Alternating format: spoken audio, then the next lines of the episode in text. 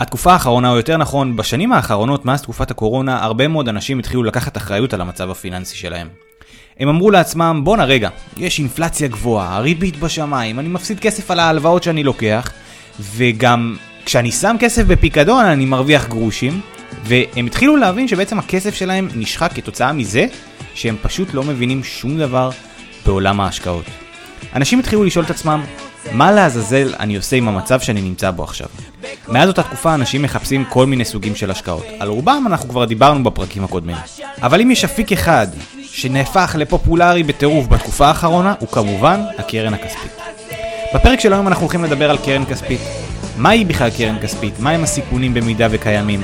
ממה קרן כספית מושפעת? אנחנו נדון בסוגיית המיסוי שלה, האם היא עדיפה על פיקדון, האם צריך לרכוש אותה דרך תיק מסחר עצמאי, ועוד שאלות שאנחנו נעלה במהלך הפרק. כל זאת בפרק 21, אנחנו מתחילים! אז שלום לכולם וברוכים השבים לפודקאסט ההשקעה הראשונה שלי. אני גלעד קליין, בעלים של חברת הייעוץ GK Finance המלווה זוגות צעירים להשקעות הראשונות שלהם בשוק ההון, בעולמות הנדל"ן בישראל, בעולמות הנדל"ן בארצות הברית וכמובן שגם בעסקים. אני יוצר הפודקאסט הזה שאתם מאזינים לו עכשיו במטרה להנגיש את עולם ההשקעות בחינם לכל אדם שמעוניין להתחיל. אז אחרי הפתיח הפרק של היום יעסוק בקרן כספית, ובשביל שנוכל להרחיב עליו אתחיל דווקא מהסוף. קרן כספית היא בדיוק כמו חנייה לרכב שלכם. כשאתם מכניסים את הרכב שלכם לחנייה תת-קרקעית או מקורה, תקראו לזה איך שתרצו, אתם מצפים לקבל חזרה את הרכב שלכם באותו המצב. שהשמש לא תפגע בו, שגנב לא יפרוץ אליו, ושאף אדם לא ישרוט לכם אותו, נכון? אבל אתם לא מצפים שהחנייה הזאת תעצור לחלוטין את התיישנות הרכב, נכון? אתם לא מצפים שאם הרכב שלכם יישאר בחנייה מעתה למשך שלוש שנים, השווי שלו לא יישחק, נכון? קרן כספית היא חנייה לכסף שלכם. אתם מכניסים את הכסף שלכם אל תוך החנייה ומקבלים אותו בחזרה בכל רגע שתרצו, כאשר הוא חוזר אליכם עם פגיעה מינימלית בערכו, כמובן עד כמה שאפשר. אז בואו נתחיל לדבר תכלס. קרן כספית היא קרן נאמנות המשקיעה באפיקים סולידיים לטווח קצר. מי שלא מכיר את המונח קרן נאמנות, אז בשביל לפשט לכם את העניין, לצורך הדוגמה מיטב דש או הראל או מגדל, באים ורוכשים בעזרת הכספים שלכם מכשירי השקעה עם סיכון מינימלי. הקרנות הכספיות מורכבות בדרך כלל משלושה רכיבים עיקריים. הראשון מביניהם הוא אג"ח למשך 90 יום בדירוג AA, שזה דירוג מאוד מאוד גבוה, אם לא מקסימלי. הקרנות יכולות להשקיע עד 50% מהנכסים שלנו בפקדונות ג'מבו של הבנקים, שזה בעצם פקדונות עם ריביות מאוד מאוד טובות, ועד 25% באג"ח לא שכירות. שלושת המכשירים הנ"ל אלו מכשירים עם רמת סיכון מאוד מאוד נמוכה, שסביר להניח שכל עוד מדינת ישראל קיימת, הכלכלה ממשיכה להתקיים, הסיכון הוא באמת כמעט אפסי. אז כמו שכבר הבנתם מוקדם יותר, הקרן הכספית היא חניה לכסף שלנו. היא לא תייצר לנו רווחים עודפים על פני השוק, אבל היא תדאג להצמיד את הכסף שלנו לריבית בנק ישראל ולשמור על ערכו עד כמה שניתן מפני האינפלציה. בואו נדבר על מספר יתרונות נוספים שיש לנו בקרן כספית.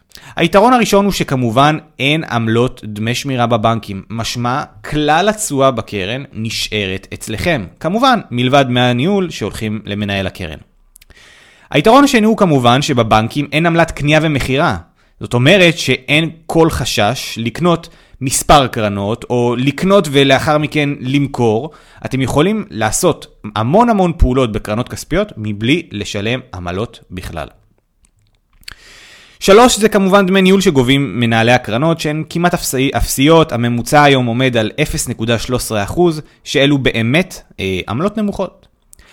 אז כמו שדיברנו מקודם, קרנות כספיות מאופיינות גם בסיכון שהוא מאוד מאוד נמוך עקב השקעה במגוון פקדונות ואג"חים בדירוג מקסימלי, ככה שחלק מהמקרים הסיכון אפילו יותר נמוך מאשר להפקיד את הכסף שלנו בפיקדון. כשאנחנו שמים את הכסף שלנו בפיקדון אנחנו חשופים בעצם אה, להפסדים של הבנקים, ובמקרה של קרן כספית אנחנו חשופים להפסדים של המדינה או לבנקים אה, כמו פקדונות ג'מבו שהם הרבה יותר אה, מוגנים. יתרון נוסף הוא שכמובן אין מינימום להשקעה, ניתן להפקיד כל סכום אמ, ואין גם מקסימום לסכומים. ניתן לקבוע הוראת קבע פשוטה ולרכוש בכל חודש עוד קרן כספית ועוד קרן כספית, ככה שזה הופך את כל מנגנון הרכישה שלנו לאוטומטי, וכמובן נזילות. הכסף תמיד זמין לכם, זאת אומרת אתם יכולים למשוך אותו בכל רגע, בלי לשלם קנס, בלי לשלם עמלות ובלי אה, רגשות אשם. אז אחרי שבאמת התרשמתם מחלק לא מבוטל של היתרונות של קרן כספית, בואו נדבר מעט גם על מיסוי הרווחים. כמו שחלקכם בוודאי יודעים, בפיקדון משלמים 15% נומינלית על הרווח. מה אני מתכוון 15%? אם עכשיו הכנסתם 100,000 שקלים ועברו שנתיים והרווחתם שם אה, 3,000 שקלים, על ה-3,000 שקלים שאתם הרווחתם תצטרכו לשלם 15%, שאם אני שולף פה את המחשבון ומחשב מהר, זה 450 שקל מתוך ה-3,000 שקלים רווח שעשיתם. אבל לקרן הכספית יש יתרון נוסף על פיקדון, והוא נקרא מיסוי ריאלי. במילים פשוטות מיסוי ריאלי הוא תשלום על הרווח מעל שיעור האינפלציה. בואו נעשה דוגמה מספרית, כמו שאתם מכירים אותי, זאת הדרך הטובה והנוחה ביותר להציג בפניכם את הנתונים. נניח והתשואה שלכם הייתה 4% והאינפלציה באותה שנה הייתה גם כן 4%. אותו משקיע שהשקיע בקרן כספית באותה שנה, באותה תקופה, היה פטור לגמרי מתשלומי מס. למה? כי התשואה שלכם הייתה זהה בדיוק לשיעור האינפלציה. נניח שהתשואה שלכם הייתה 5% והאינפלציה אך ורק 4%. אז כמו שאתם מבינים, התשואה שלכם עלתה מעל האינפלציה באחוז אחד. ולכן אותו משקיע ישלם אך ורק 25% על אותו פער של אחוז. חשוב לציין, מס תמיד משלמים אך ורק על הרווח ולא על הכספים שהופקדו מלכתחילה. ככה שבשורה התחתונה, כשאנחנו מדברים על עניין המיסוי של קרן כספית, ברוב המקרים, 98% קרן כספית, המיסוי שלה יוצא נמוך יותר מאשר מיסוי על פיקדון. מעולה, אז כעת אנחנו כבר מבינים לגמרי את כל היתרונות של הקרן הכספית, וכמו שאמרתי בתחילת הפרק, קרן כספית היא חנייה לכסף שלנו. היא לא תייצר לכם תשואה עודפת, גם אם תפקידו 100 אלף שקלים, תקבלו במהלך השנה 4,000 שקלים לפני מס. תזכרו, מדובר בפיצוי על שחיקת הכסף שלנו. אם אתם רוצים להשקיע את הכסף שלכם במטרה לקבל תשואה עודפת על השוק וליהנות מרווחים, תידרשו ללמוד כיצד להשקיע אותו בצורה נכונה. אז כמה כסף צריך להפקיד בקרן כספית? אז התשובה לשאלה הזאת היא כמובן אינדיבידואלית ותלויה בכם. אני באופן אישי משאיר בקרן כספית את קרן החירום שלי. קרן הזאת היא בעצם הוצאות קבועות למשך חודשיים. הגעתי לסכום הזה על ידי סכימה של הוצאות שכר הדירה, הביטוחים, תשלומי החשבונות הקבועים שלי, אה, תשלומי מזון בסיסיים, כל זה כפול 2. למה דווקא חודשיים? כי מבחינתי, אם אני עכשיו נתקע באיזשהו פלונטר, אה, אין לי עבודה, טסתי לחו"ל, אני חולה, החודשיים האלה יספיקו לשלם לי את ההוצאות הנדרשות בשבילי, בשביל להמשיך לחיות באותה רמת חיים. אני רוצה לספר לכם סיפור אמיתי של אחת מהלקוחות שלי. היא הגיעה עם סכום די גדול של 800 אלף שקלים שישבו אצלה בעובר ושב, והיא הבינה שהיא צריכה לקבל עליהם כסף. היא בחרה להפקיד אותם בפיקדון פארי, הפיקדון שבעצם מאפשר לכם נזילות מיידית לכסף, וגם כמובן צובר לכם איזושהי ריבית מינימלית. העניין הוא שבמהלך שנה שלמה ה-800 אלף שלה קיבלו בסך הכל אחוז אחד בודד של תשואה, בזמן שהקרנות הכספיות באותה תקופה עשו כ-4.5 אחוזים.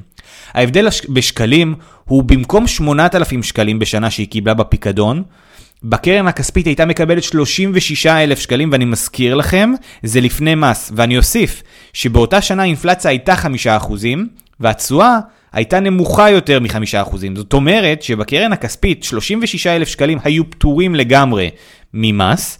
לעומת זאת, בפיקדון היא שילמה 15% על, 18, על ה-8,000 שקלים שהיא הרוויחה. ושוב, אני אעשה לכם בחישוב מהיר במחשבון. 8,000 שקלים פחות 1,200. לא חבל? חבל. אבל כמובן מטעויות לומדים. אז בואו נסכם את הפרק הזה. קרן כספית היא מוצר נהדר בשביל לשמור על הערך של הכסף שלכם. אין ספק בכלל שלא מדובר באפיק של השקעה שיצבור לכם הון ויהפוך אתכם לעשירים. אבל היי, hey, לפחות לא תפסידו כסף. סכום הכסף שצריך, שכל אחד מכם חייב שיהיה לו בקרן כספית, הוא סכום כסף שעולה לכדי לפחות חודשיים של הוצאות קבועות שלכם. אגב, עצה שלי, אם אין לכם קרן חירום כזאת, אל תתחילו עדיין להשקיע. כי השקעות עושים באחריות אחרי שקיימת לכם כרית ביטחון ושאתם יודעים שלא תצטרכו את אותם הכספים שאתם משקיעים בטווח זמן הקרוב. כי כסף להשקעות זה כסף עודף. אז חברים שלי, כמו בכל פרק, אני אשמח שתשתפו אותו לאימא שלכם, לחברים, לאבא, לחברים שחייבים לשמוע את הפרק הזה.